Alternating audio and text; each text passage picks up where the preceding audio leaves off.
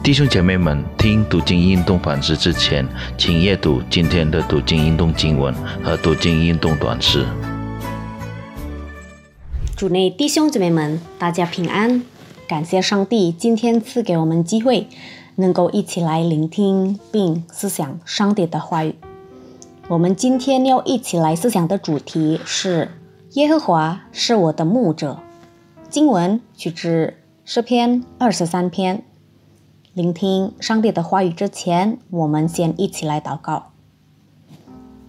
慈爱怜悯的父神，爱我们的主耶稣，我们向你献上感恩与赞美。谢谢你每天供应、保守我们的生活。现在我们要聆听你的话语，求你赐给我们聪明智慧，让我们能够明白你的话。感谢主。奉主名求，阿门。诗篇二十三篇是最著名、被背诵最多、被引用最多、被传讲最广泛的诗篇。很多人喜欢这首诗篇，因为这首诗篇显现了上帝的关怀。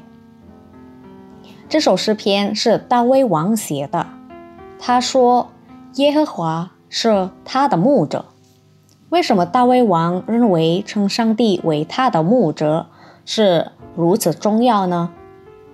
大卫曾经是个牧羊人，所以他了解牧羊人的工作。在古代，君王也被视为百姓的牧羊人。以色列人认大卫王为他们的牧羊人。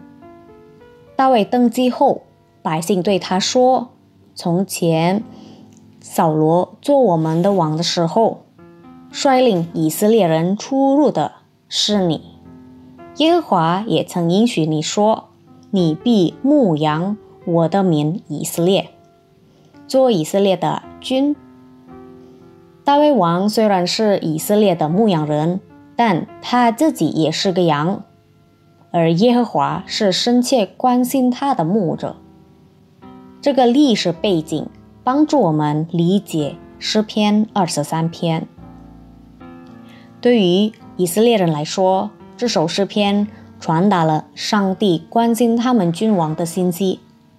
耶和华看顾大卫王，意思就是耶和华也看顾全以色列民。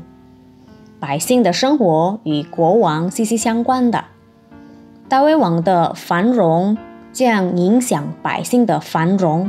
所以，诗篇二十三篇是关于上帝通过照顾他的王来照顾他的子民，通过大卫王耶和华成为以色列的真正牧者和真正君王。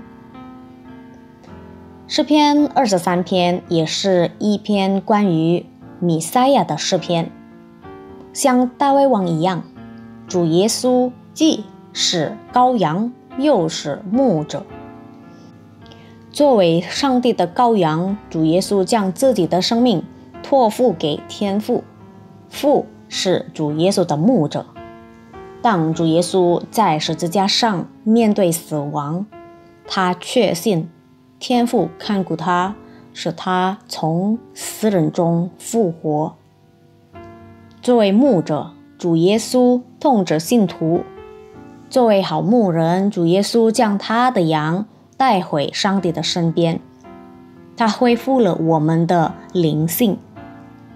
好牧人找到你们了吗？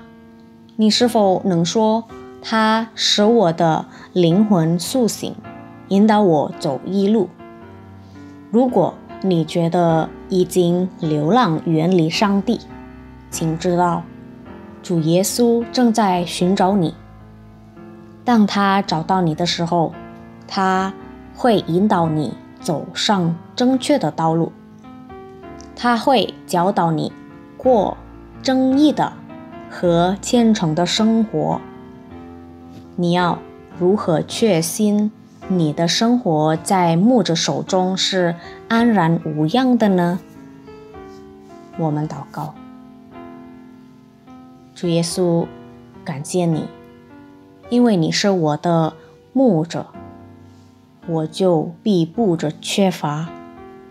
不管发生什么事，你都会引导我、保护我、安慰我，与我们同在。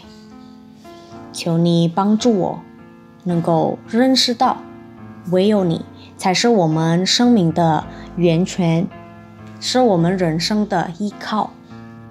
求你赐给我们孩童般的信心，每天乐意亲近你，依靠你。